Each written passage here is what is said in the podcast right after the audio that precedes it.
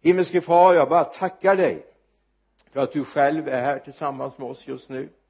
Jag tackar dig helige ande för det du har i beredskap fader för oss den här dagen. Och nu ber jag herre att din strålkastarglans ska lysa ännu tydligare. Att ljuset ifrån den eviga världen ska bara få tränga rakt in i den här samlingen i vår församling här i Vänersborg. Herre så att vi vet att vi är stadda på en rätt väg och inte en olycksväg vi ber om detta i Jesu namn. Amen. Amen.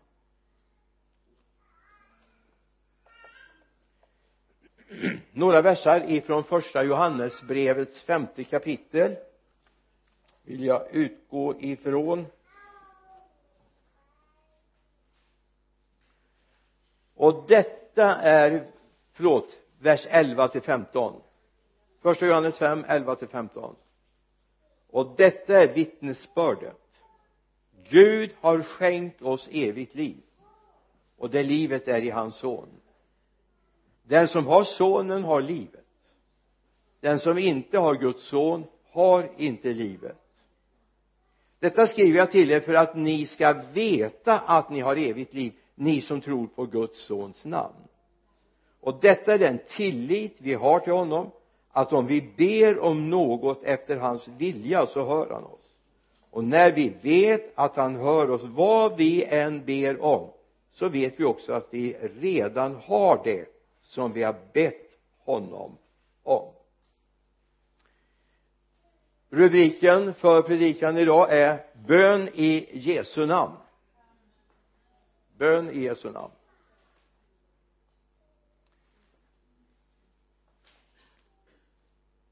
Ska jag börja med att berätta en berättelse? Jag har berättat den förut. Hur enkelt det kan vara när man känner sig auktoriserad av Gud själv. När man är uppfylld av den heliga ande. Jag har väl berättat förut när jag var på EFS i Mellansel uppe i Ångermanland för många år sedan på en gudstjänst. Mötte en man från US som var där och predikade. Jag hade hört talas om honom eh, och var intresserad och möta honom. Se vad det här. Jag fick inte se så mycket. Han, han talade ganska osammanhängande tyckte jag. Eh, hade svårt att få ut det det var det han eller också var det tolken. Det kan vara ett problem ibland när det tolkas. Man hör en sak på engelska och så något annat på svenska så får man inte ihop allt sammans jag tror att ni har det betydligt bättre här. Åtminstone på tolksidan men det som händer i slutet av den gudstjänsten när en mamma med sin dotter kommer fram. Dottern har så kallat klumpfot. Och det var väl inte, jag menar det går ju att tillverka specialskor för det. Men hon hade tappat känseln i sitt vänstra ben.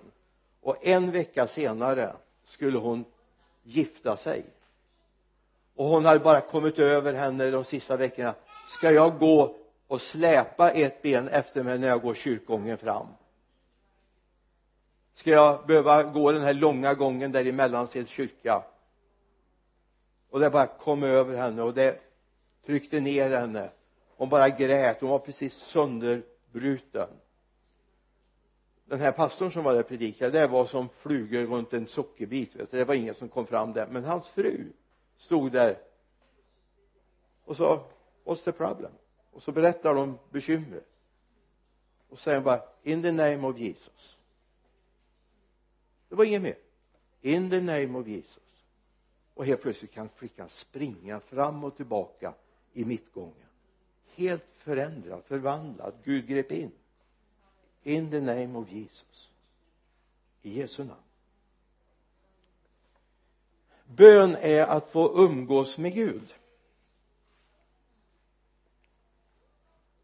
Att i den situationen när jag är med honom få uttrycka min åsikt, min vädjan mitt påstående, min längtan. Men då är jag där.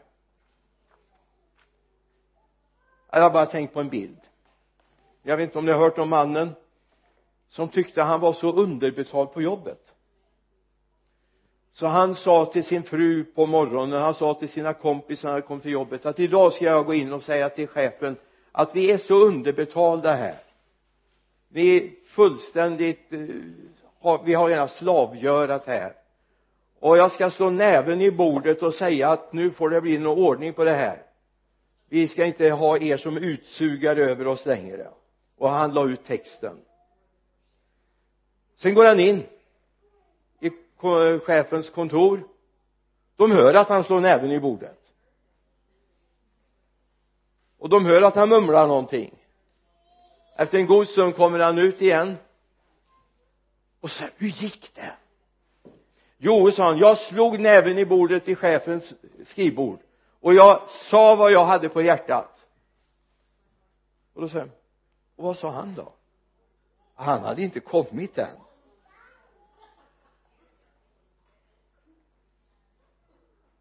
Och så sa han jaha men då får du väl gå in igen. Nej nu är det bäst vi jobbar sa han. Så vi får vår lön.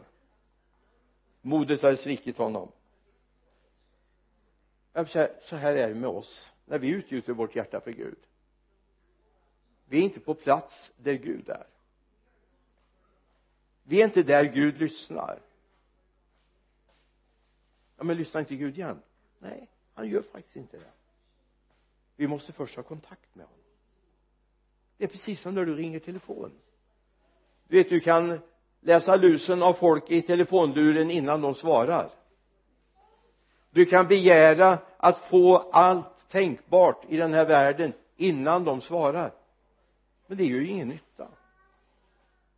Det är inte ens en telefonsvarare kopplad på så du kan presentera ditt ärende. Så händer ju ingenting.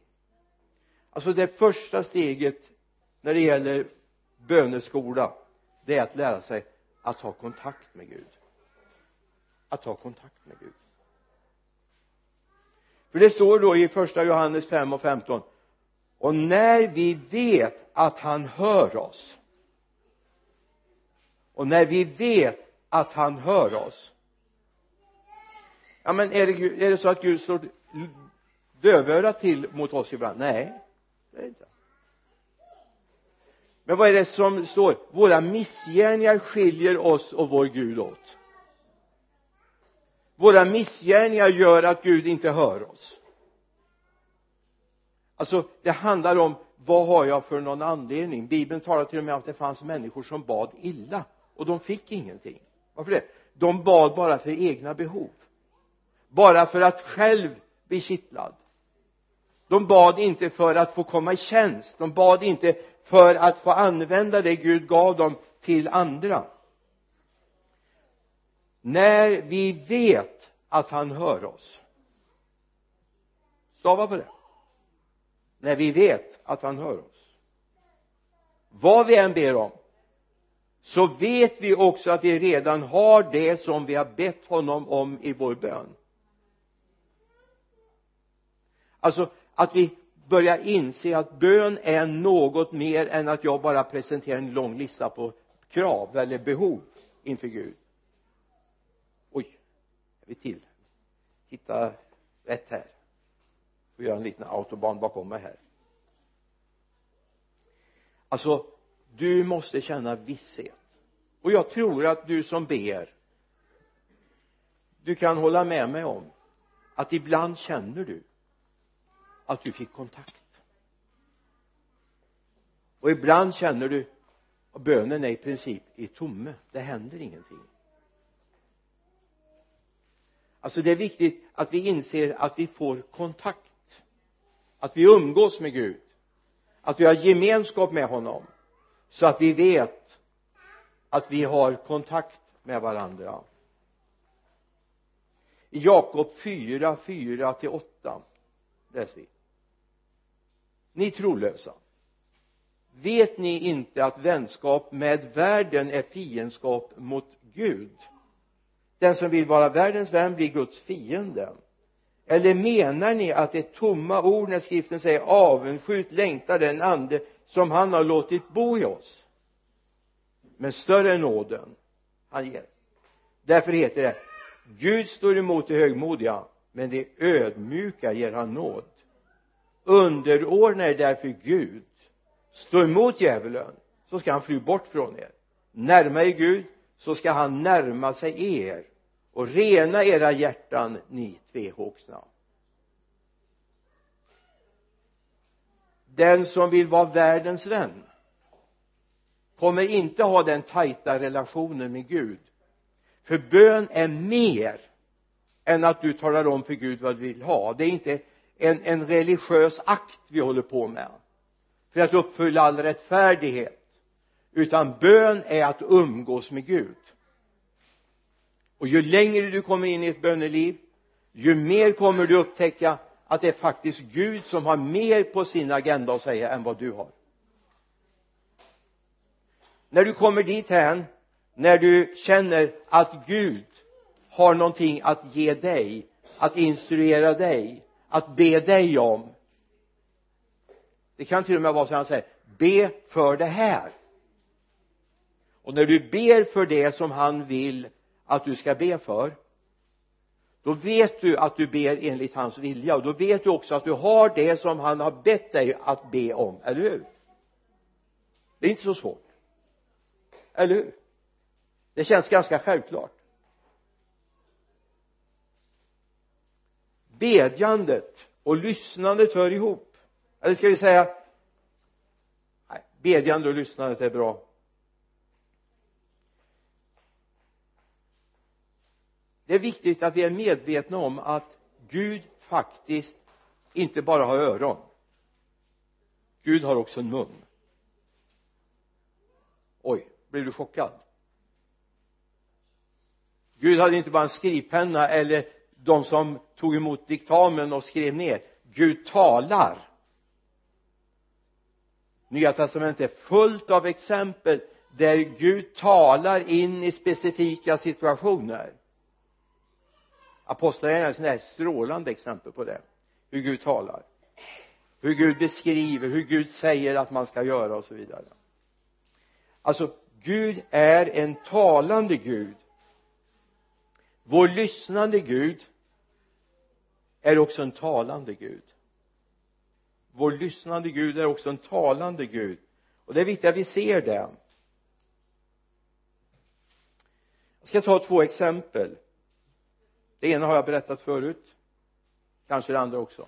Men eh, för att beskriva att det är viktigt i allt bönearbete att vi också är uppkopplade mot Gud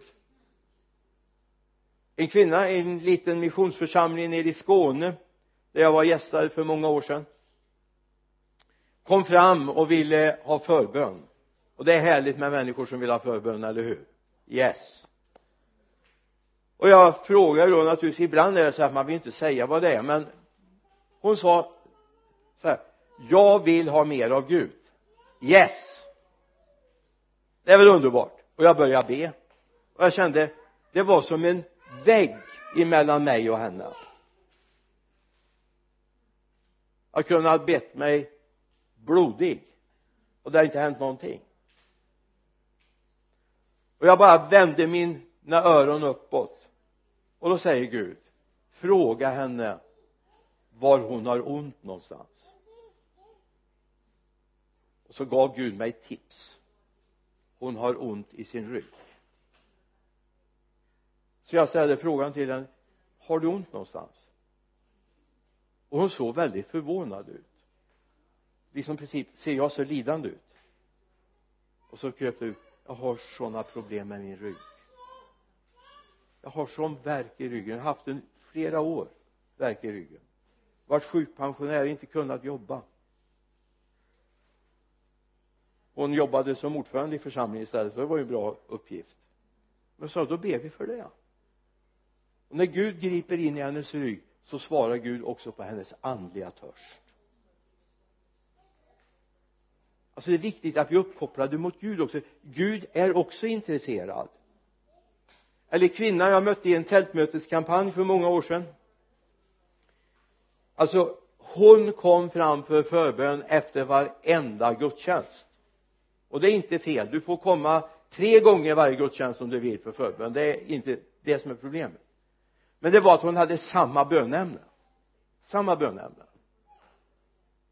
Hon eh, ville ha mer av Gud hon också hon ville få lite ordning på sin tillvaro. Och det hemmet, familjen, mannen, barnen, jobbet det, det bara rörde ihop sig för henne. Och när hon kom fram för tredje gången så kommer Gud över mig och bara säger du ska inte be för henne. Det är ingen bra Gud nu, nu är det något fel här va? Ska jag inte be för henne? Nej. Du ska bara säga du ska gå hem och så ska du ha ordning på ditt andaktsliv du ska läsa din bibel. Du ska ta din stund och be på morgonen och även om hon säger att hon börjar väldigt tidigt så säger jag gå upp ännu tidigare då. För vill du ha ordning på ditt liv så ska du börja umgås med Gud hemma. Alltså det var som jag hade slått henne i solarplexus hon var inte alls glad på mig. Hon tyckte inte alls om den hälsningen. Och jag sa bara att du får ta det med honom där uppe.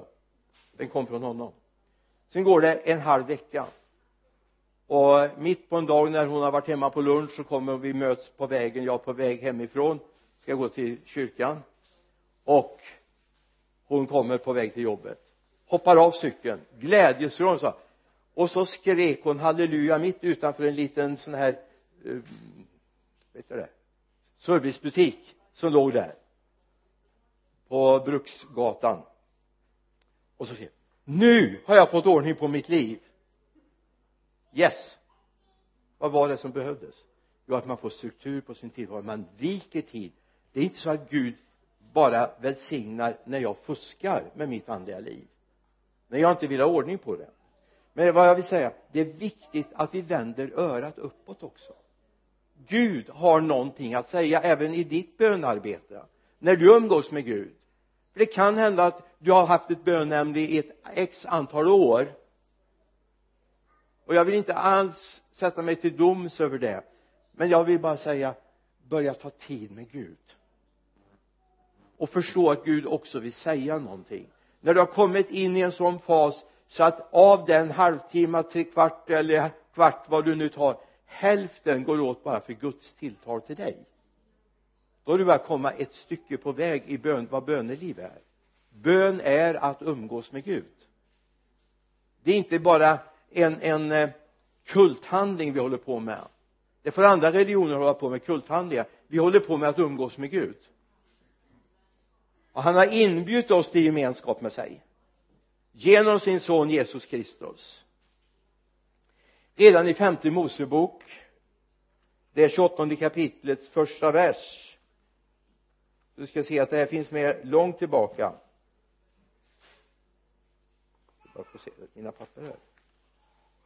Om du lyssnar till Herren din Guds röst genom att noggrant följa alla hans bud som jag idag ger dig så skall Herren din Gud upphöja dig över alla folk på jorden. Om du hör och du gör det Gud säger. Amen. Är du beredd att både höra och göra det Gud säger? Det kan vara lite tufft det Gud säger ibland. För han kan faktiskt peka på väldigt ömma punkter i våra liv men det är ingen fara. Gud har kontroll. Jag menar vem av oss ja jag menar det är ju ingen som älskar varken tandläkare eller läkare egentligen va? Men jag menar om du ska lägga dig på operationsbordet så ber du ju inte läkaren gå efter och visa sin läkarlegitimation. Jag vill se din läkarlegitimation innan du får sätta kniven i mig. Jag vill se dokumentationen på alla tidigare operationer du har gjort har du verkligen tvättat händerna är handskarna riktigt sterila nu? Har de verkligen kokat de här instrumenten ja men vi gör ju inte så. Vi litar på att de gör rätt, eller hur? Och förresten vilka är vi som ska hålla koll på att de har gjort rätt? Ja, inte jag i alla fall. Jag är bara tacksam för att de finns och när det funkar så blir det väldigt bra, eller hur? Alltså det handlar om tillit. Och tillit kan man ha till den man har lärt känna. Eller hur? Men den som är en främmande Gud för oss den som inte känner är det svårt att slappna av och tro att hans instruktioner är rätt? Och med att känna Gud handlar inte om att jag har varit frälst 50 år och någon annan i några månader eller några veckor. Det är inte där det sitter. Utan det handlar om att jag litar på honom och lärt känna honom och börjat umgås med honom. Amen. Det är ju så här. En väldigt naiv och barnslig bild. Alla vet vad en GPS är va? En sån där mockapär som man kan ha för att hitta rätt va. Man kan ha det i sin mobiltelefon man kan ha speciella GPSer i bilen och så vidare. Den kommunicerar med de där eh, satelliterna som snurrar runt. Nu är det ju så här det är inte du som ska tala om för satelliterna hur de ska visa vägen. Du talar om vart du ska. Och så litar du på att den karta som är inlagd i din GPS faktiskt är rätt karta eller hur? Du talar om var du är vart du ska och till och med den kan tala om för att du kör rätt väg. Den talar om till och med för om det är enkelriktat någonstans. Det kan vara tillfälliga vägombyggnader ibland som de inte funkar på. Alltså det är inte du som ska tala om för Gud hur du ska ta dig till den eller den stället utan faktum är att det är Gud som ska tala om för dig. Eller hur? För det andra jag vill säga ja det var andra punkten i inledningen det här så har vi väl en 15 punkter sen när vi kommer till själva predikan då va? Bra. Då är vi överens.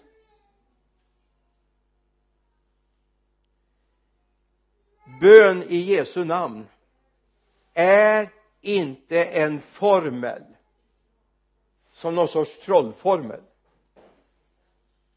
Det är inte att avsluta bönen med i Jesu namn och tro att det är något motsvarighet amen låt det nu så ske. Amen betyder herre låt det nu så ske. Utan bön i Jesu namn är mer än att säga Jesu namn. När kvinnan pastorsfrun uppe i Mellansel säger in the name of Jesus så handlar det inte om någon formel utan det handlar om att hon hade blivit auktoriserad från Gud fader själv. Hon hade fått en auktorisering. Hon hade en legitimitet att säga det. Och det här är viktigt att vi förstår att det här är inte bara att vem som helst kan ta tag i det och säga i Jesu namn.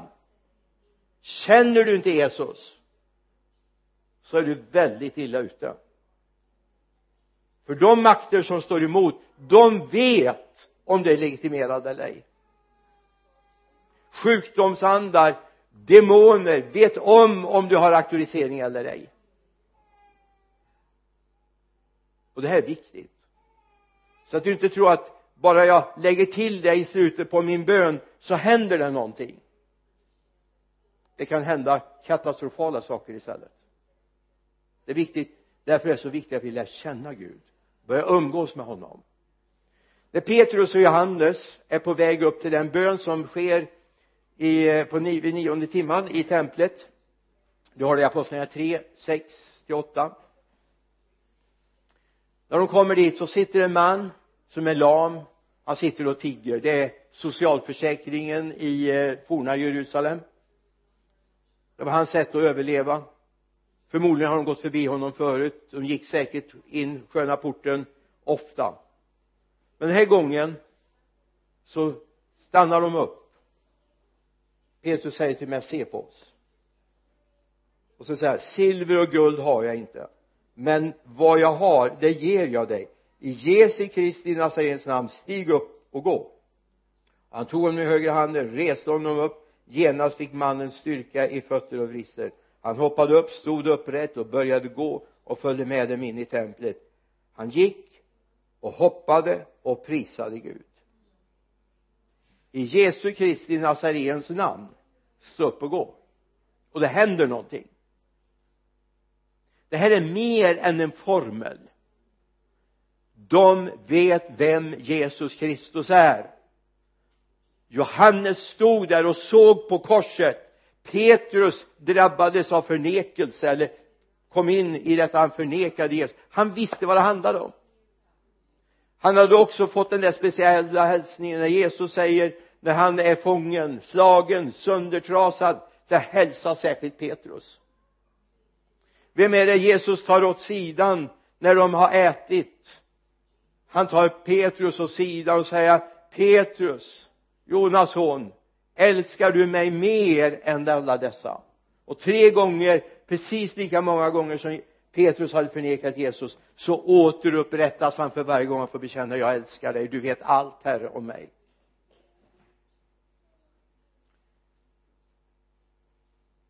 De visste. De som höll mannen bunden de visste att nu måste vi släppa. Därför här kommer han med en färsk legitimation eller här kommer de med en färsk legitimation från honom själv. Men det är också farligt att använda det här på ett felaktigt sätt. I apostlagärningarnas 19 kapitel har vi ett exempel på när man tror att det här är en formel som man kan använda. Apostlagärningarna 19, 13 till 15 så några kringvandrande judiska andedrivare. Tog sig också för att uttala Herren Jesu namn över dem som hade onda andar. De sa jag besvär er vid den Jesus som Paulus predikar. Det var sju söner till en viss Chevas, alltså en judisk överstepräst som gjorde så. Men den onda anden svarade dem Jesus känner jag till och vem Paulus är vet jag men vilka är ni? Och sen flyger de på dem och sårar dem och sargar dem illa. Paulus var känd Jesus var känd i andevärlden. Ja vilka är ni? Och det är viktigt att när vi ber för människor att vi har auktorisering från honom. Och den får vi i umgänget med honom. Den Paulus som omnämns här står det om i verserna 11 och 12 före. Gud gjorde ovanliga under genom Paulus händer så att man till och med tog dukar och plagg som varit i beröring med hans hud och la på de sjuka och sjukdomarna lämnade dem och de onda andarna for ut. Paulus var väl bekant i andevärlden. Andarna visste att det var inte lönt att sätta sig till motvärn därför att han som var i dem var starkare än den som var i världens ande. Och det här är viktigt att vi känner till.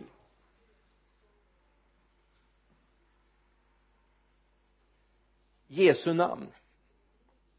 Känner du Jesu namn? Kan du något mer än att Jesus, hur Jesus stavas?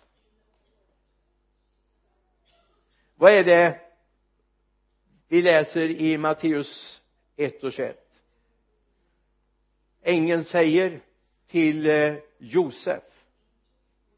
Och så talar han om Maria och så här hon ska föda en son och du ska ge honom namnet Jesus Jeshua ty han ska frälsa sitt folk från deras synder.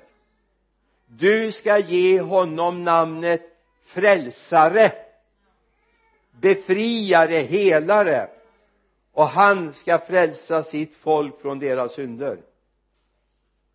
Alltså Jesus är inte bara ett egen namn. Jesus sammankopplat med Jesus Kristus. Är Guds egen Jesus. Guds frälsning. Då har Jesus, frälsaren, också blivit den efterlängtade Messias. Den smorde den som är outstanding bland alla andra som kallades Jesus. Jesus var inget ovanligt namn på den tiden. Det fanns en Jesus Justius och det fanns en som hette Bar Jesus också. Alltså Jesus son.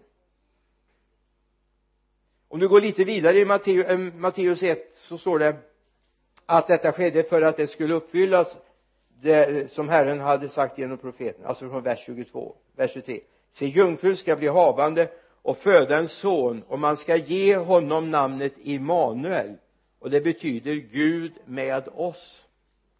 Gud med oss ja, det tål att ta en kanske speciell lektion om varför det heter just om oss. Gud med oss. Immanuel. Alltså Gud var i Jesus Kristus.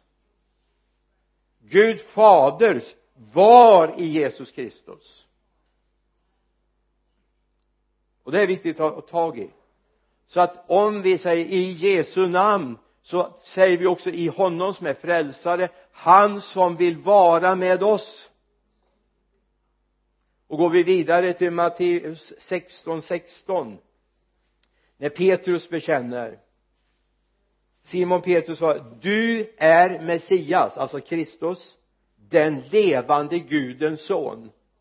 Och vad säger Jesus om honom? Det här har inte kött och blod uppenbarat för dig Petrus. Det här har du inte räknat ut själv utan den levande gudens ande har sagt det till dig.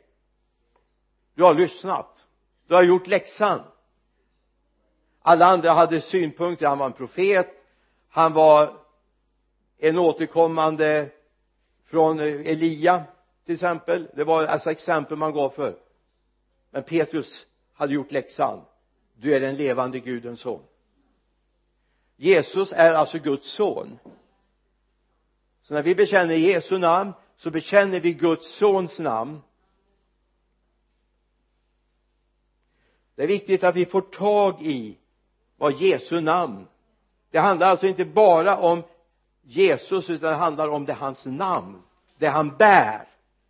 Den han har blivit gjord av Gud till.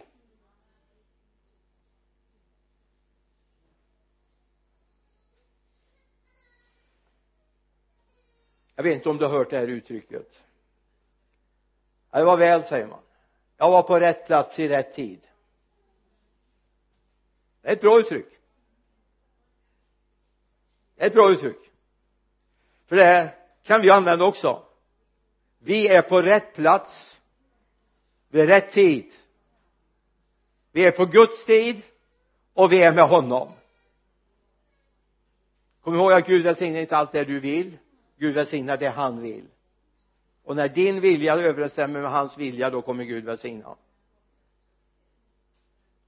Sen eh, Almqvist talade om det också när han var här. Vikten av att vi är där Gud vill. Att vi är där Gud vill. Alltså jag hör till de där som jag är nog lite entreprenörsmänniska av mig. Det ploppar upp ungefär en ny tanke, en ny idé för, som man skulle kunna göra och så vidare. Nästan en i, i veckan minst. Det här skulle vi kunna göra. Det här skulle vi kunna göra. Det här vore bra. Men eh, det har vi bara konstaterat. En del av de grejerna vi har gjort har inte blivit bra. Och det är, det är bara att erkänna, så är det, det allt har inte blivit bra. Men däremot när Gud kommer och säger det här ska ni göra. Då går vi in på rätt plats i rätt tid. Och då kommer vi få uppleva välsignelser. Men då kommer vi i en brytning för vi lever i en kontext. Är ett sånt fint uttryck för att vi lever i en samtid i, i, i den här världen va? Vi finns här 2016 vi lever i ett IT-samhälle etc etc det, det, det är bara att konstatera så är det va? Och så allt folket sa usch då inte amen alltså utan usch då. Vi är här. Och då är det viktigt att vi tar vara på den undervisning som ordet har. Romarbrevet 12 och 2 till exempel. Och anpassa er inte efter den här världen utan låt er förvandlas genom sinnesförnyelse så att ni kan pröva vad som är Guds vilja det som är gott och fullkomligt som behagar honom. Alltså här säger mig bibeln någonting helt fantastiskt hoppas jag säger det också. Vi kan leva i den här tiden med alla de intryck som vi får. Från kompisar, sociala medier, tv etc etc etc va? Det är oändligt uppsjö av intryck som spolar över oss, eller hur? Och ehm, då är det inte lätt att veta hur gör jag i den här världen? Ja då finns det ett råd här det som hör världen till ska inte du anpassa dig efter. Även om 25 av dina 23 kompisar gör det så ska inte du göra det. Bara för att de gör det. Det här är viktigt. Utan du tar det här först och så går du till Herren och så prövar du och säger Gud är det här okej? Okay? kommer det här när jag sträcker ut det här nu något år framöver kommer det här gagna mig och ditt rike om jag gör det här? Det kan vara en utbildning det kan vara hur jag gör en utbildning etc etc va? För en sak hoppas jag du har fattat. Som kristen är inte ditt liv ditt. Du har ingen rätt till det. Inte ett dugg. Det la du i dopet. Det la du i dopet din gamla människa har du begravt. Och det är viktigt att komma ihåg. Och så har du kopplat dig till honom. Och han vet bäst. Det är jättejobbigt att någon vet bättre än jag men jag menar det är bara att konstatera så, så är det. Och när jag har konstaterat att jag vill istället leva med sinnets förnyelse en förnyelse som kommer från honom då kan jag bara pröva vad som är Guds vilja kan jag börja känna att det här är rätt, det här är fel.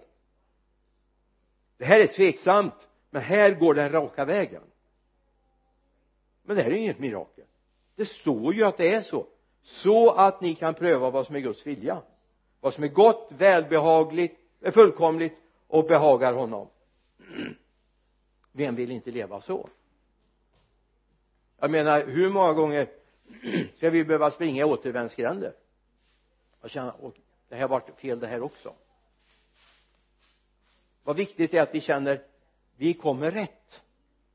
Vi sparar massa energi vi sparar massa tid och vi når det resultat som Gud har satt ut för oss. Och det här är grunden också i mitt böneliv. Gud vill forma mig.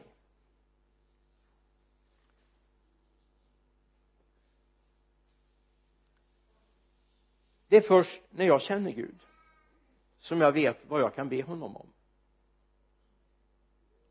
Och då kommer det till och med gå över min kunskapsnivå.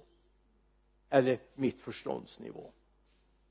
Därför jag känner att han är ju mirakel. Jag vet att det är väldigt barnsliga bilder men ta det. Det är inte för att jag tycker att ni är barnsliga utan det beror på mig. Jag hittar inga andra bilder men om man ska be någon hjälpa en med någonting till exempel fixa datorn så försöker man ju skanna av vem klarar av en dator. Jag menar be inte mig skruva isär din dator. Jag kommer få massa skruvar över och sladdar. Och den kommer vara helt det är inte ens blue screen det kommer vara svart men så finns det ju de som kan det. Och har jag ett dataproblem går jag ju till någon som ändå har lite erfarenhet, lite kunskap. Och då talar jag inte bara om att hålla på med programvarorna utan faktiskt in i maskineriet och skruva. Eller om jag ska sätta upp en hylla på en vägg så funderar jag lite vem klarar av det? Ja men hyllan kanske sitter kvar men sen ska det vara ett antal prylar på också man sätter ju inte upp en hylla bara för att den ska sitta där va? Det ska bli, så bli ett avbrott på väggen så att det ser lite inte så högt ut eller någonting. Där man har ju förmodligen böcker eller prylar eller köksredskap eller vad man ska ha på den där hyllan va? I en garderob kanske man har förvaring av kläder och skor och vad det nu kan vara va? Det är klart, då funderar man vem kan det?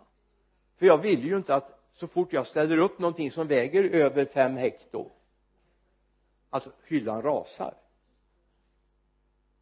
Utan jag vill ju att det ska hålla. Alltså jag skulle kunna ta ett x antal sådana här exempel. Men vet jag att en människa kan så kan jag be den fixa elkontakten. Jag kan eh, be honom fixa min bilmotor. Jag kan be honom lägga på takpannorna på taket. För han har nödig kunskap till det är likadant med Gud. Det är inte så att Gud har begränsningar. Men min tro på vad han kan kan ha begränsningar. Eller hur? Och då är det viktigt att du kommer in i en situation där du vågar lita på honom. För att hans förstånd går över mitt förstånd. Hans kraft är över min kraft hans förmåga är över min förmåga. Och därför när jag ber honom om det som inte min hjärna längre hänger med och fattar att det kan ske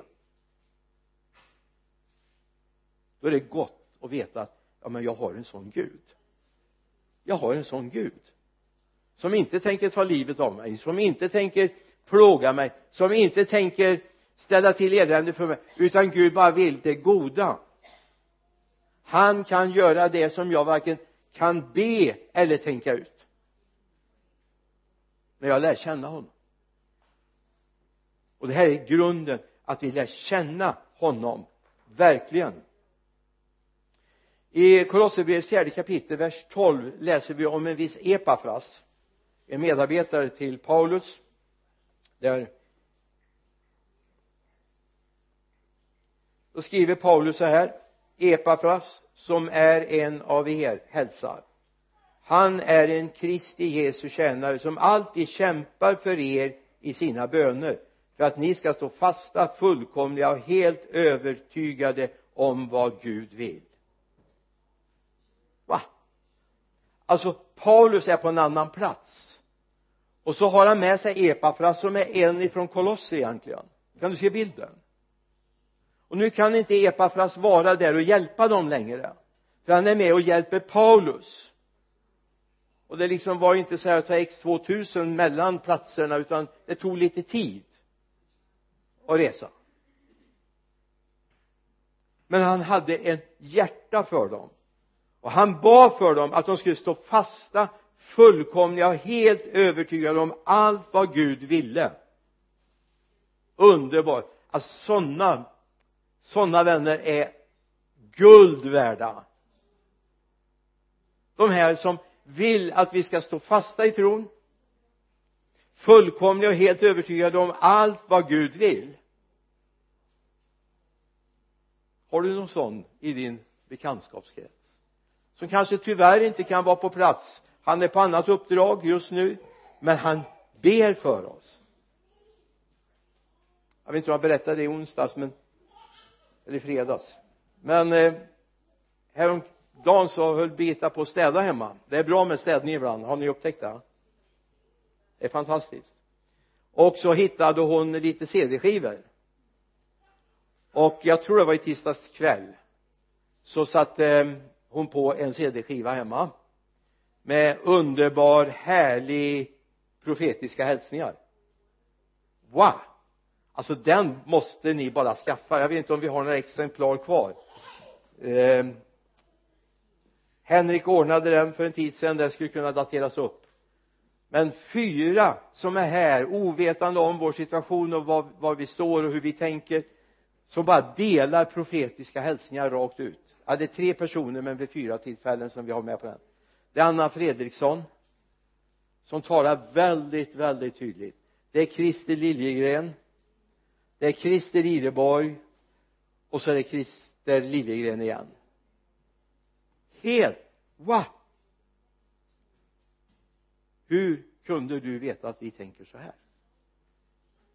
Och det var inte bara det som är våra planer utan överhuvudtaget hur Gud ser på den här församlingen. Alltså jag blev wow alltså det finns människor som Gud har rest upp som har en angelägenhet det finns epafrassjälar det finns epafrassjälar för de som skulle bli helt övertygade om allt vad Gud vill. Vilket härligt böneämne.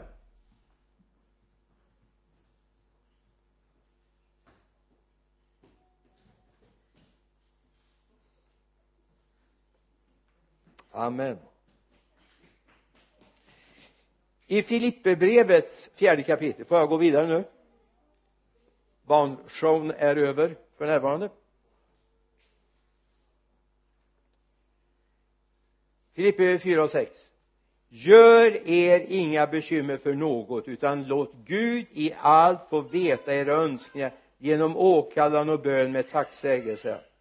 Då skall Guds frid som övergår allt förstånd bevara era hjärtan och era tankar i Kristus Jesus det här är ett spännande bibelord. Förlåt om jag kommer förstöra det för dig lite grann nu. Det står inte att alla våra önskningar kommer bli uppfyllda av honom. Det står inte det.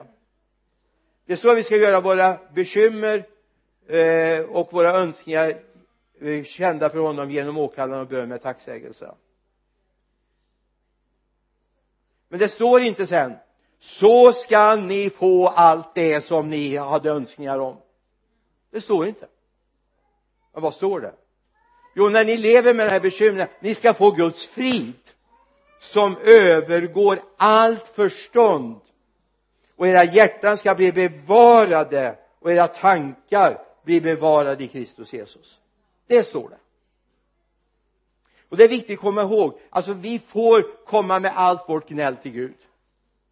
Men vi har inget löfte som säger att ja men du ska få allt det du har gnällt om.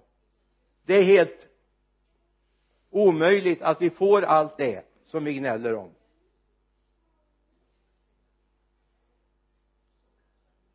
Men han kommer ge oss frid. Och han kommer bevara våra hjärtan och våra tankar i Kristus Jesus. Det är grejen. För ibland är det faktiskt så att vi gnäller om saker som inte är bra för oss. Som inte är tänkta att vi ska ha eller ska göra. Eller hur? Vi är lite själviska ibland. Och ibland kanske vi till och med skulle skada oss om vi fick allt det som vi ber om. Eller hur? För det ingår inte i Guds plan.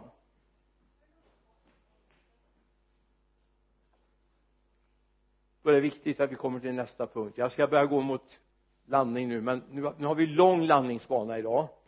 Lång ledflygningstid för nu har vi varit högt upp så nu tar det en liten stund. Så det kommer inte hända på de närmaste sekunderna. Det står att sträva efter att lära känna Herren. Sträva efter. Vi går till Hosea 6 och 3 låt oss lära känna Herren. Ja låt oss sträva efter att lära känna honom. Sträva efter att lära känna honom. Hans uppgång är så viss som morgonrodnadens och han ska komma till oss likt ett regn, likt ett vårregn som vattnar jorden. Sträva efter att lära känna Herren. Vill du ha ordning på ditt böneliv? Vill du känna att du har kontakt? Vill du känna att Gud svarar dig? Vill du känna att Gud talar till dig så ska du sträva efter att lära känna honom. Du gör inte det på en tio minuters bön en gång i veckan. Nej. Det tar tid att lära känna Herren. Det tar timmar att lära känna Herren. Gud är inte en quick fix det här är viktigt vi får tag i det. Gud är ingen som vill jag känna för Gud är så mycket större, så mycket djupare, så mycket mer underbar än vad du kan ta in i ett ögonblick. Var glad för att inte Gud öppnar hela porten på en gång och sköljer över dig. Du kommer inte klara det. Utan det handlar om att umgås med honom, pröva honom se att det håller att det fungerar.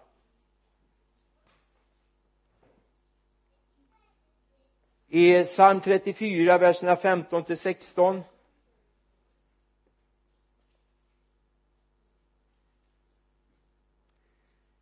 vänd dig bort från det onda och gör det goda. Sök friden och jaga efter den. Herrens ögon är vända till de rättfärdiga och hans ögon till deras rop eller öron till deras rop. Alltså Gud är inte en färdig mall jag går in i och så vet jag allt från punkt ett när jag blev frälst. Jag har hållit på och lärt känna Gud i snart 50 år nu. Och jag kan säga att varje vecka, varje månad gör jag nyupptäckter. Det är ingen quick fix. Jag har predikat evangelium i snart 49 år. Och ändå kan jag säga att fortfarande finns det områden Gud ännu har fördolt för mig. Och jag bara längtar efter. Jag strävar efter att få tid att lära känna honom ännu mer. I detta nu kommer vi till sista punkten så nu kan du börja liksom slappna av sådär, men inte riktigt än. Det blir några höjdpunkter till. I umgänget med honom medan du lär känna honom händer det någonting i ditt eget liv. Du förändras. Du förändras. Dina tankar, din kärlek förändras den djupnar. Det är precis som det ska vara med ett bra äktenskap. Ett fräscht äktenskap det är att känslorna växer. Det är inte så att den här första fascinationen som fanns den här förälskelsefasen den går över. Den är ganska tunn egentligen. Men man kan komma in i en fas där det blir en äkthet där man till och med prövar i, i motgångar. Jag läste någonting på facebook som gjorde mig väldigt glad. Det finns en eh, kvinna som heter Rigmor Holst. Hon är eh, daglig ledare för kanal 10 Norge. Hon bor i i Oslo. Hennes man är på uppdrag i Indien med kanal 10 Sverige. Och håller på att bygga han är tekniker och kameraman och kan all tekniken bakom sändningarna. Så han är där i det ärendet och nu fyllde han 60 år. Så skriver hon en kärleksförklaring till honom som bara tog tag i mig. Nu kan jag inte ta hela men den var så fascinerande. Hur deras kärlek hade ökat eller vuxit i både med och motgång. Både i prövningar och solljusa stunder han, hon skriver om att under alla dessa 39 år hade de varit gifta. Så har vi haft roligt. Vi har gråtit. Vi har skrattat. Och vi har lärt känna varandra på djupet. Så är det också med vår relation till honom. Vi lär känna honom.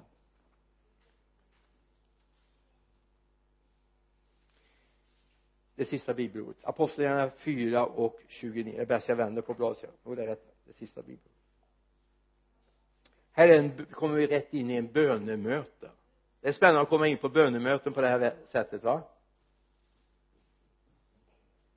Och det är de här Petrus och Johannes och kompani som har lite problem med med, med makterna eller regimen i staden därför att de håller på att predika om Jesus och det fick de inte. Och nu herre se hur de hotar oss. Och hjälp dina tjänare att frimodigt predika ditt ord genom att du räcker ut din hand för att bota och låta tecken och under ske genom din helige tjänare Jesu namn.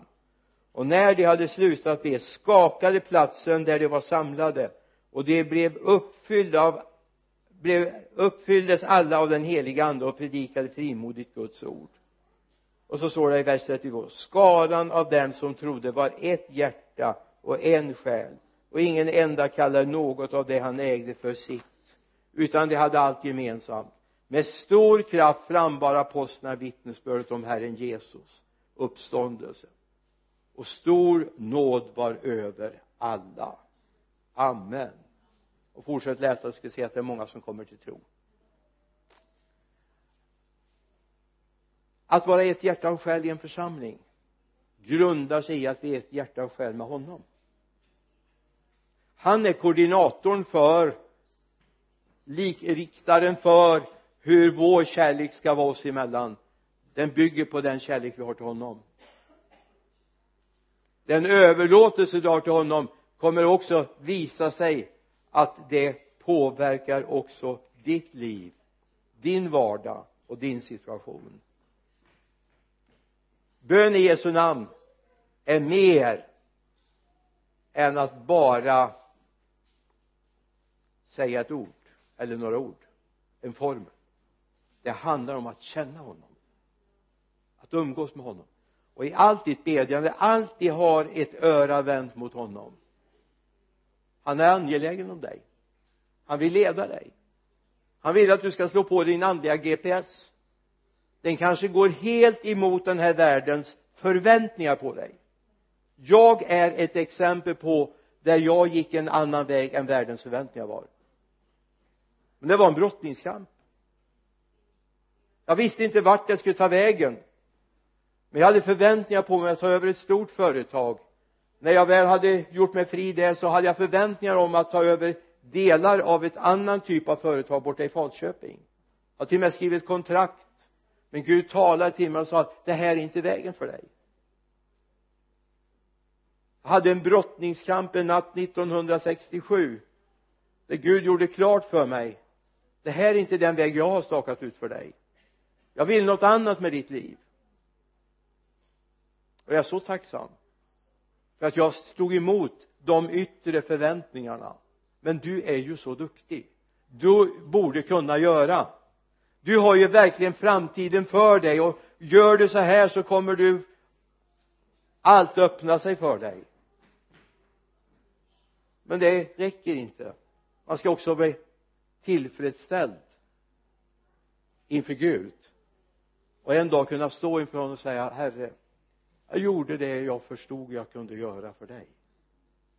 Jag säger inte att vi är fullkomliga eller är fullkomliga men jag säger jag gjorde ändå det som jag förstod var din vilja med mitt liv. Ska vi be? Herre hjälp oss att förstå bönens hemlighet lite mer. Herre hjälp oss herre att ta tid med att lära känna dig herre. Herre du kräver mer tid av oss än en kafferast du förväntar dig mer av umgänget med oss. Så att du får börja fylla oss med dina tankar. Du får fylla oss med dina planer. Du får fylla oss med din framtid och ditt hopp. Herre hjälp oss och led oss. Både som enskilda men också som församling. I Jesu namn. Amen. Amen.